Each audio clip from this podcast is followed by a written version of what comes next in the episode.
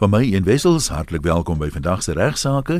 My geleede vriend Ignas Kleinsmid sit hier oorkant my reg om 'n hele klompie regsvrae te beantwoord namens die Prokureursorde van Suid-Afrika. Môre Ignas. Goeiemôre Ian, môre luisteraars. Uh, dankie vir die voorreg om weer met julle te kan gesels. Ian, ek het 'n uh, telefoonoproep gekry. Nou en dan kry mense dit tog reg om op 'n of ander manier deur die deur 'n storie te vertel direk uh, na ander van die program by my uit te kom haal my nommer kry weet ek nou ook glad nie maar in elk geval seker by die ouens op die begrafnispolisse verkoop want hulle het hulle het almal my nommer. Ek probeer toe so mooi as moontlik uh, vir hierdie persoon sê maar ons antwoord nie telefoniese navrae nie want telefoniese navrae om te begin is ongelooflik gevaarlik vir prokureurs om dit te doen. En afgesien daarvan is maar ons praktiseer nog so jy kan uh, jy kan dit nie regtig bekostig om op die foon advies te gee nie uh, en jy ken ook nie al die feite nie maar hy het 'n baie vinnige vraag hier toe gevra. Sê meneer asseblief asseblief ek sê nou goed. Sê wat beteken swygreg? Hy wil weet wat is dit uh, as mens kan wanneer kan ek stil bly in die hof? Nou hoofstuk 3 meer spesifiek artikel 25 van die grondwet van Suid-Afrika verleen aan aangehoudenes, gearresteerdes en beskuldigdes verskeie regte en een hiervan is die reg om te swyg tydens pleitverrigtinge of tydens die verhoor. Met ander woorde om glad nie tydens die verhoor te getuig nie die reg om te swyg is 'n regsbeginsel wat bepaal dat elkeen van ons die reg het om ook vrae van polisie of hofbeamptes nie te beantwoord nie. Dis nog voordat in die hof kom as die polisie 'n verklaring by jou wil neem, hoef jy nie een af ja, te dien. Nou hierdie beginsel of hierdie reg word nie net in Suid-Afrika erken nie, dit was internasionale reg baie in baie lande uitdruklik, maar baie lande ook net deur konvensie of deur wetgewing. Nou die Suid-Afrikaanse grondwet as ook ons howe in Suid-Afrika onderskei baie duidelik tussen die reg op 'n voorverhoor stilte hier wat ek nou van gepraat het onder woorde by die polisie en in in in in ander hofbeamptes en die reg om te swyg tydens die verhoor wanneer die verhoor aanvang neem. Beskuldigde kan staat maak op sy reg om in die voorverhoor of die verhoor of die vonnisfase te swyg. Maar wat is die voorverhoor stilte wat ons van praat? Dit is die gemeenereg wat bepaal dat verdagtes die reg het om ook by voorverhoor ondersoeke stil te bly wanneer die ondersoek nog aan die gang is. Uh dit behels dus dat die verdagte mag kies om net sekere vrae van die polisie te beantwoord of niks daarvan te beantwoord nie. In die saak van Staat versus Teboes en 'n ander is in 2003 Kaap die grondwetlike hof bevind dat geen nadelige afleiding gemaak kan word uit 'n beskuldigde se voorverhoor stilte alleen nie want die staat moet sy saak bewys. Hy's geregtig om te sê ek gaan niks sê nie, bewys julle maar julle saak. En die hof kan nie daarom sê ja, nou eh, hou ek minder van jou nie of ek ek bevind jy's meer oneerlik of wat ek nogal nie. Dit kan nie van hom verwag word om sy teenstander in aanhalingstekens die staat hier te help om die saak teen hom te bewys deur inligting aan die polisie te verskaf nie. Maar die swygreg tydens die verhoor, dis iets anderste. Hierdie reg sluit in dat die persoon nie getuienis hoef te lewer wat tot sy nadeel sal lei nie. Dit beteken hy mag ook nie enige inkriminerende vrae hoef hy te beantwoord. Hy kan nie verplig word om dit te beantwoord nie. Enige vrae wat moontlik kan beteken dat hy homself op 'n wyse benadeel of inkrimineer nie. Dit word egter algemeen in Suid-Afrika aanvaar, dis die verskil tussen die voorverhoorstilte en die swygregstilte dat onder gepaste omstandighede, ook maar net in sekere omstandighede, dat dit wel beperk word en in die saak van Staat versus Boesak in 2001, die Kaap, het die grondwetlike hof ook bevind dat die reg om te swyg nie beteken dat daar geen gevolge verbonde gaan wees aan 'n persoon se keuse om tydens die verhoor te swyg nie.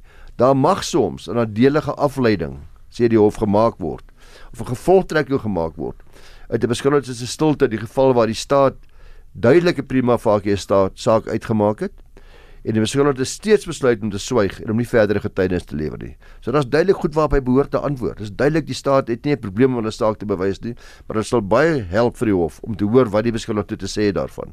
Wat het gebeur ensovoorts ensovoorts en dan sê die beskuldigde steeds ek sê nie 'n woord nie. Die hof sê daar kan in sulke omstandighede 'n nadelige afdeling daar uitgemaak word en daar kan gesê word dat 'n primêre facie saak uitgemaak is wanneer die staat se getuienis sterk genoeg is om reeds 'n beskuldiging tot gevolg te hê uh en dan die beskuldigde die verdediging dan steeds besluit om nie te praat nie.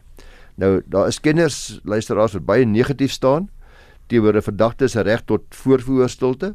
Hulle meen dat dit 'n baie hoë koste implikasies tot gevolg het.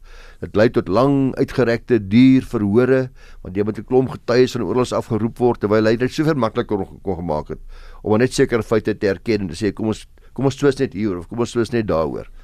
Want 'n algehele swygreg beteken die staat moet al die elemente van die misdaad bewys en al die moontlike getuies roep om seker te maak dat dit prima facie saak. Alhoewel daar baie verskillende opinies en gevoelens bestaan oor of 'n verdagte beskuldigde mag swyg of die reg daartoe 'n goeie reg is, is dit belangrik ten einde regverdige verhoor en 'n uh, skuldbevinding te verseker op die regte wyse. Dis nou die die regsituasie, maar mense hoor dikwels hier met braaivleisvure as mense praat oor hierdie goed. Dan sal iemand byvoorbeeld 'n opmerking maak sê net maar as hulle my van 'n moord beskuldig. Die eerste kans wat ek kry vir 'n polisieman gaan ek vertel presies hoekom ek dit nie ek is nie. Ek was nie hier nie, ek is nie dit nie. So my my kant van die saak probeer stel dat baie die ek dink die gemiddelde mens het half 'n gevoel as ek nou sê ek nou maar jy het dit en dit en dit gedoen en jy sê jy verkies om te swyg, dat jy iets het om weg te steek. Dis ongelukkig die waarheid, maar uh, in die reg is dit so dat die staat moet hulle saak bewys en soos die hof reg aanvanklik gesê het, jy kan nie kwaadlik neem as jy sê, "Weet jy wat, ek en jy is op posisie te hmm. mekaar hierso." Jy moet maar jou job doen en dan sal ek my job later doen as jy as ek ja. so besluit. En 'n mens kry ook natuurlik met uh, motorongelukke dat jou versekerings dikwels in jou polis verbied hulle jou om enige erkennings te maak. Daar moet jy eintlik so by so by motorborsings verseker so ja, ja wanneer jy dan kom gevra word vir 'n verklaring. Hier is iemand wat 'n anonieme briefie geskryf het aan uh, ons vriend Ignatius Vlok op by RSG. O ja ja, jy het regisseur van van uh oggend op RSG. Korrek, jy het hom vir my aangestuur Ian. Die, die dametjie vra vir hom, sy sê ek het onlangs op RSG gehoor dat die misdaad van sodomie nou verander het na verkrachting. Dit moes lankal so gewees het, sê sy. Kan jy sê of dit as gevolg is van 'n wysigingswet of as gevolg van 'n hofbeslissing? Ek glo dat die howe nou hopelik meer ernstig sal kyk na die sulke verkrachtings. Nou verkrachting uh as 'n misdaad soos ons dit vandag ken, was nie van die begin af so omvattend gewees nie. Die groot ontwikkeling het eintlik plaasgevind in Suid-Afrika na die grondwetlike hof in 2007 reeds beveel dat die definisie van verkrachting herskryf en uitgebrei moet word. In die hofsaak waarin hulle dit gedoen het, staan bekend as Masia versus the Director of Public Prosecutions van Pretoria en ander. Nou die agtergrond van daai saak was kort as 'n 9-jarige dogtertjie anaal verkragt is deur 'n man. En die hof het gekyk dat die definisie van verkrachting gesien het dit baie eng bewoord was en dat dit uh, net voorsiening gemaak het vir 'n man wat 'n vrou verkrag en ook dat die verkrachting net deur geslagsdele kan plaasvind. Nou wanneer net hierdie definisie in ag geneem word, sal die misdaad teen die dogtertjie dan eintlik nie as verkrachting gesien kan word nie, maar eerder net as onsedelike aanranding of enige ander vorm van sodomie.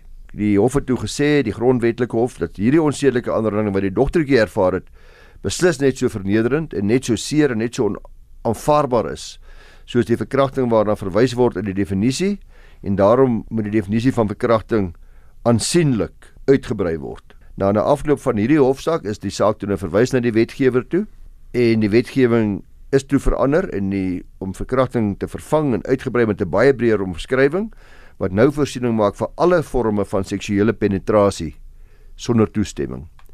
Uh maak nie saak watter geslag ook die betrokke rolspelers en die verskeie persone is nie. En 'n verdere verbetering in die lig van hierdie onderwerp is ook dat verkrachting nie kan verjaar nie. So dit nou ondanks is dit net weer herinner ja. daaraan. Verkrachting het nie meer 'n tydslimiet nie.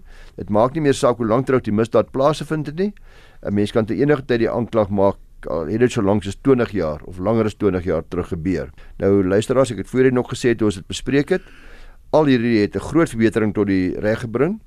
Uh deur hierdie veranderinge wat gemaak is aan die wetgewing, word meer beskerming gebied aan slagoffers en die misdadigers staar 'n swaarder straf in die gesig en soos uh, ons luisteraar nou weet, dit was maar dan dit was hofsaake en dit was wetgewing wat uiteindelik die veranderinge teweeggebring het. Ek nou dink ons kan nog geen inpas in die eerste deel en maak ons liewer die tweede een so klein bietjie korter. Kom ons kyk uh, luisteraars bietjie na wat is die funksie van die sentrale bank? Want uh, hierdie saak word bespreek in die saak van South African Reserve Bank teen die openbare beskermer en andere. Aan die einde van 2017 baie van u wat koerante lees sal hiervan weet dit handel oor 'n dringende aansoek wat die Suid-Afrikaanse Reservebank gebring het. Ten einde twee aanbevelings van ons uh, openbare beskermer ons nuwe openbare beskermer tersyde te laat stel. Die bevele is gemaak op die 19de Junie 2017 in 'n verslag wat sy opgestel het en die lig laat sien het en daarin is 'n aanbeveling gemaak deur die openbare beskermer dat die regering moet fondse wat wan aangewend is deur die Reservebank gedurende 1985 verhaal. Tweedens is daar aanbeveel dat die portefeulje komitee van justisie en korrektiewe dienste 'n proses moet begin om 'n sekere artikel van die grondwet wat hiermee handel, artikel 224 ja, van die grondwet te wysig. In terme van die tweede aanbeveling was die openbare beskermer se opdrag dat die grondwet gewysig moet word en in die primêre funksie van die reservebank te wysig uh van en ek haal op aanhalingstekens van die beskerming van die waarde van die Suid-Afrikaanse geldeenheid, die beskerming van die waarde van die SA geldeenheid na en ek haal aan die bevordering van ekonomiese groei in die republiek. Die aansoek van die Reservebank het dan grootliks gedraai om hierdie tweede aanbeveling waar gevra word dat die hele doel en funksie van die grondwet dan nou verander van die van die Reservebank dan nou gewysig moet word. Die artikel wat daarmee handel. Die Reservebank het baie deskundige getuienis gelei wat onder meer getuig het dat dit wêreldwyd die rol van sentrale banke is om die plaaslike geldeenheid te beskerm en dat hulle voel dit sal 'n funksie en dit moet hulle funksie bly. Dan sulks sal die wysiging sou dit toegelaat word dat die Suid-Afrikaanse ekonomie ekonomie onkompeterend met die buiteland maak en uh, baie negatief gevolge hê vir ons land en vir die Reservebank en veral vir ons geldeenheid ook. Nou die hof het die saak behoorlik oorweeg. Uh en die hof het beslis dat uh, die aanbevelings van die openbare beskermer sê in die strekwyte van ondersoek ten opsigte van wanbesteding van openbare fondse onwettig verbreek. Sy het onwettig opgetree deur te dink sy het ook 'n reg om daaroor te praat. Deur ook 'n ondersoek te doen na die funksie van die Reservebank en dit daarbey in te sluit en aanbevelings aan die parlement te maak om die grondwet te wysig. Dit is nie 'n taak nie, sy mag dit doen nie, sy kan dit nie doen nie en sy het haar mandaat dus oorskry sê die sê ons hof en die openbare beskermers verder sê die hof se bevel dat die grondwet gewysig moet word om die Reservebank se primêre funksie te verander val ook heeltemal buite haar magte wat aan die openbare beskermer verleen word in terme van artikel 182 van die grondwet. Sy is gebonde aan wat die grondwet vir haar sê sy mag en sy mag nie doen nie en ook daardie geval is dit dus haar magte aansienlik oorskry en eh uh, die openbare beskermer se bevel aan die parlement word dus ook tersyde gestel en met 'n koste bevel teen haar. Dis vir my nogal onrusbarend dat mense in openbare ampte dikwels nie weet wat is hulle beperkings en wat is spesifiek is hulle rol nie, né? Nee. Ja, ek sien hierdie hele kwessie van die openbare beskermer en en haar vermoë of uh, gebrek aan vermoë of haar goeie vermoë sal nie weet nie, uh, is tans die onderwerp van 'n redelike debat in die politieke wêreld. En daar's allerlei sprake van aansoeke om daar om dit behoorlik na te kyk. Rita Megeer skryf 'n baie kort briefie. Sy sê baie dankie in sy gewend leersame program sê as jy eendag dalk 'n oop tydjie het, sal ek dit baie waardeer en jy my kan verduidelik wat dit beteken as uitspraak voorbou is in 'n saak. So ek het nou 'n oop tydjie en ek gaan sommer vir haar en vir al die ander luisteraars ook verduidelik. As eintlik niks magies of snaaks aan die woord voorbou van 'n uitspraak nie. Dit beteken bloot eenvoudig maar dat die uitspraak nie nou dadelik deur my gelewer gaan word as ek nou landros of regter is nie, maar dat ek tog bietjie daaroor gaan dink en dat ek later my uitspraak 'n latere geleentheid uh, vir julle kennis sal stel wanneer ek my uitspraak gaan lewer.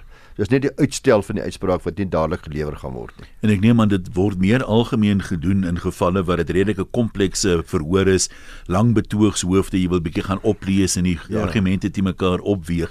Dit word nie sommer gedoen as dit eh, voor die hand liggend is hierdie man is skuldig of hierdie party se eis moet slaag nie. Ja, en ek kan ook sien dat die kantoor van ons hoofregter en uh en sekerlik ook al die regterpresidente hulle bes doen om regters van elke afdeling te, te probeer motiveer om liefsuitsprake onmiddellik te lewer so gou as moontlik omdat daar ook 'n persepsie is dat uh, reg nie behoorlik geskied as 'n uitspraak te lank ja. voorbou uitstaan nie en dit is ook altyd vir my baie moeilik om te verstaan hoe 'n regter vir 6 maande of 'n jaar nie kan uitspraak lewer nie want uh, manier wat my geheue deesde is sal ek ja. sal ek binne 5 minute dit moet doen. Anders vergeet ek alles. Dit is nogal 'n probleem en ek dink jy's reg die gewone uh, hof sal die uitspraak in die meeste gevalle dadelik gelewer word.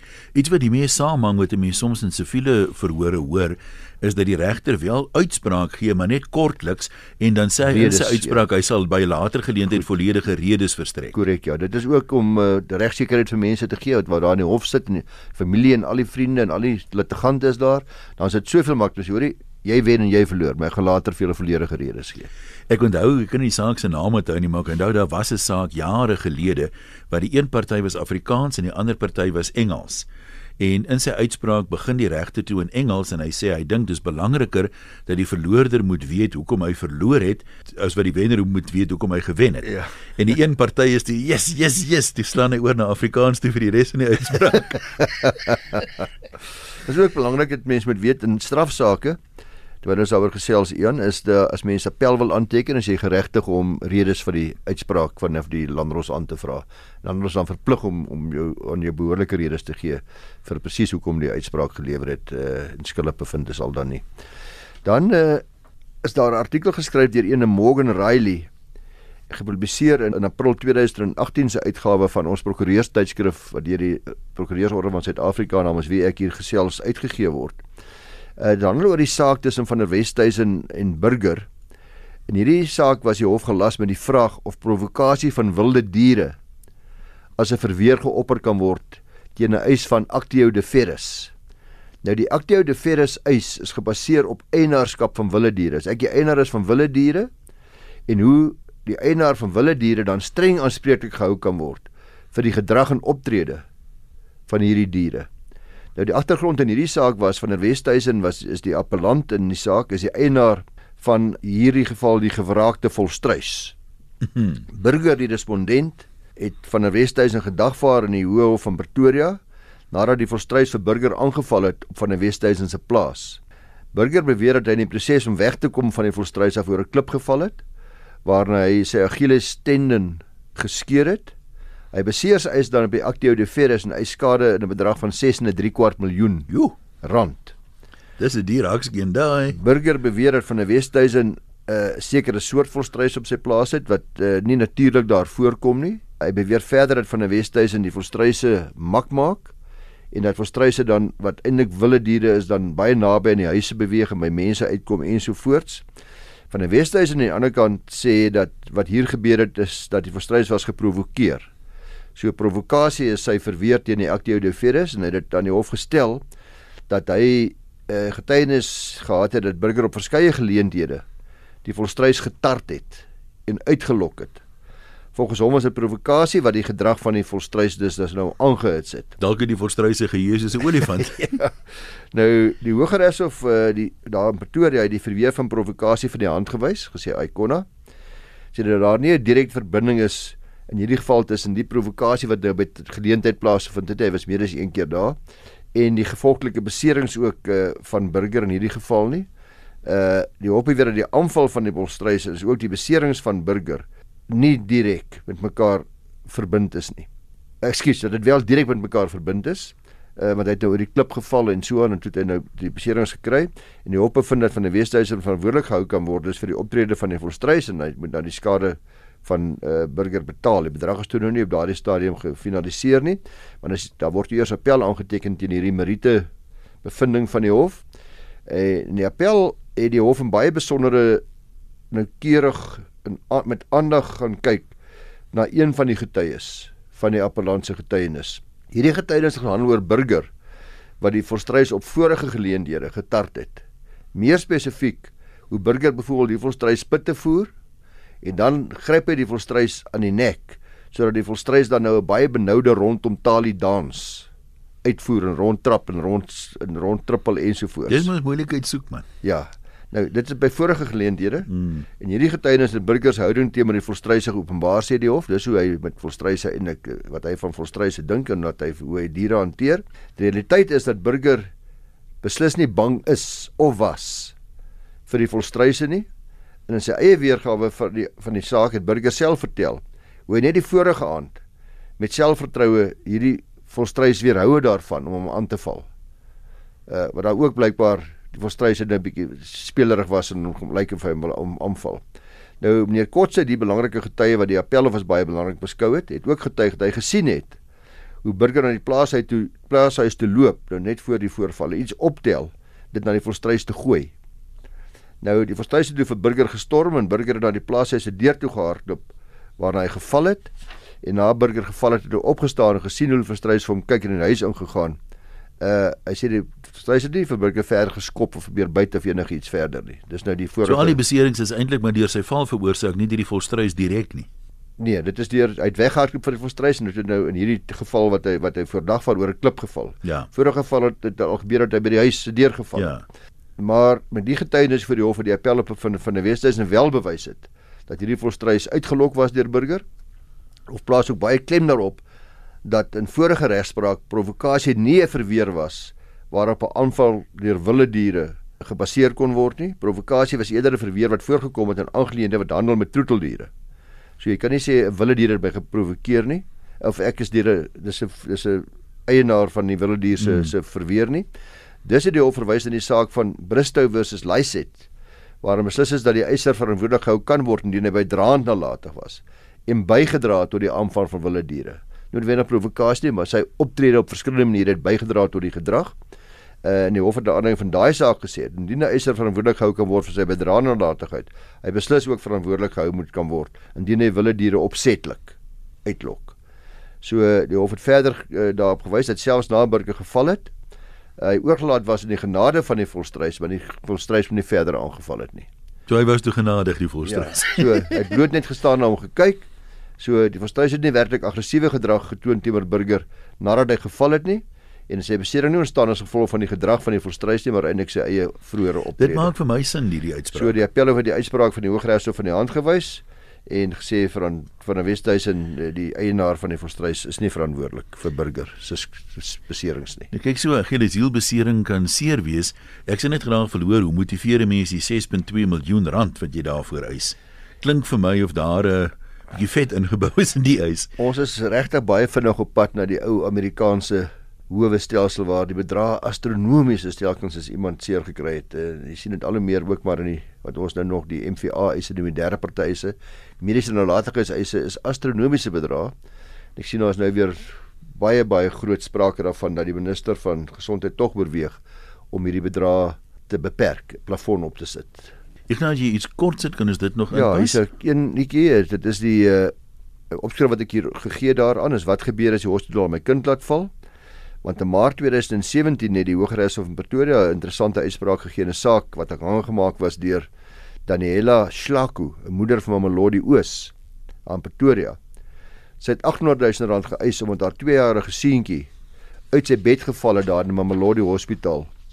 Al uh, hy was toe 8 jaar oud was in 2015 toe dit daar gebeur het, want die uitspraak is nou eers gegee verlede jaar. Hy was toe 2 jaar oud en weens longontsteking in die hospitaal. Die verpleegpersoneel se weergawe was dat die kind homself beseer het deurdat hy uit sy bababed gespring het. Maar die eiseres het in 'n hofstukke aangevoer dat die hospitaal latig was omdat hulle versuim het om te voorkom dat hy uit die bed kon val. Homself te ponseer deur uit die bed uit te val en uh, nadat die seentjie die hospitaal ontslaan is, uh, omtrent 5 dae daarna het die moeder gesien dat daar 'n baie groot knop op sy kop is. Dat eintlik het sy breinskandering laat doen en dit getoon dat hy hersenskudding opgedoen het. Die verpleegspersoneel het egter volger dat daar niks verkeerd gedoen is nie en uiteindelik het die partye geskik op die basis dat die LER vir gesondheid in Gauteng toegestem het 150 000 rand te betaal aan die moeder in terme van 'n skriftelike skikkingsooreenkoms en dat die hof dan ook hierdie ooreenkoms in 'n hofbevel beliggaam. Die les hieruit is dan ook uh, luisteraars wat ons van ons hospitaalpersoneel kan verwag om te verseker dat daar genoeg voorsorg getref kan word sodat 'n 2-jarige kind nie uit die bed uit kan spring hmm. of kan al spring hy dat nie uit die bed uit kan val nie. En dis waarom die hospitaalbeddens het sekere voorsorgmaatreëls wat hulle wel in plek kan stel. Ignas sê vir jou baie dankie. Onthou jy kan jou regsvrae direk vir Ignas stuur. Ignas by ffd.co.za en uh, as jy weer wil luister na van die programme, dan kan jy dit rustig op jou eie doen. Gaan na die uh, webwerf toe rsg.co.za, klik daar bo op potgoeie gebruik regsaake as sleutelwoord en as al die regsaake programme met 'n kort opsomming van elkeen daar wees van die jongste een bo tot die oudste een heel onder. Van my een wissels, lekker week ons praat volgende maandag weer.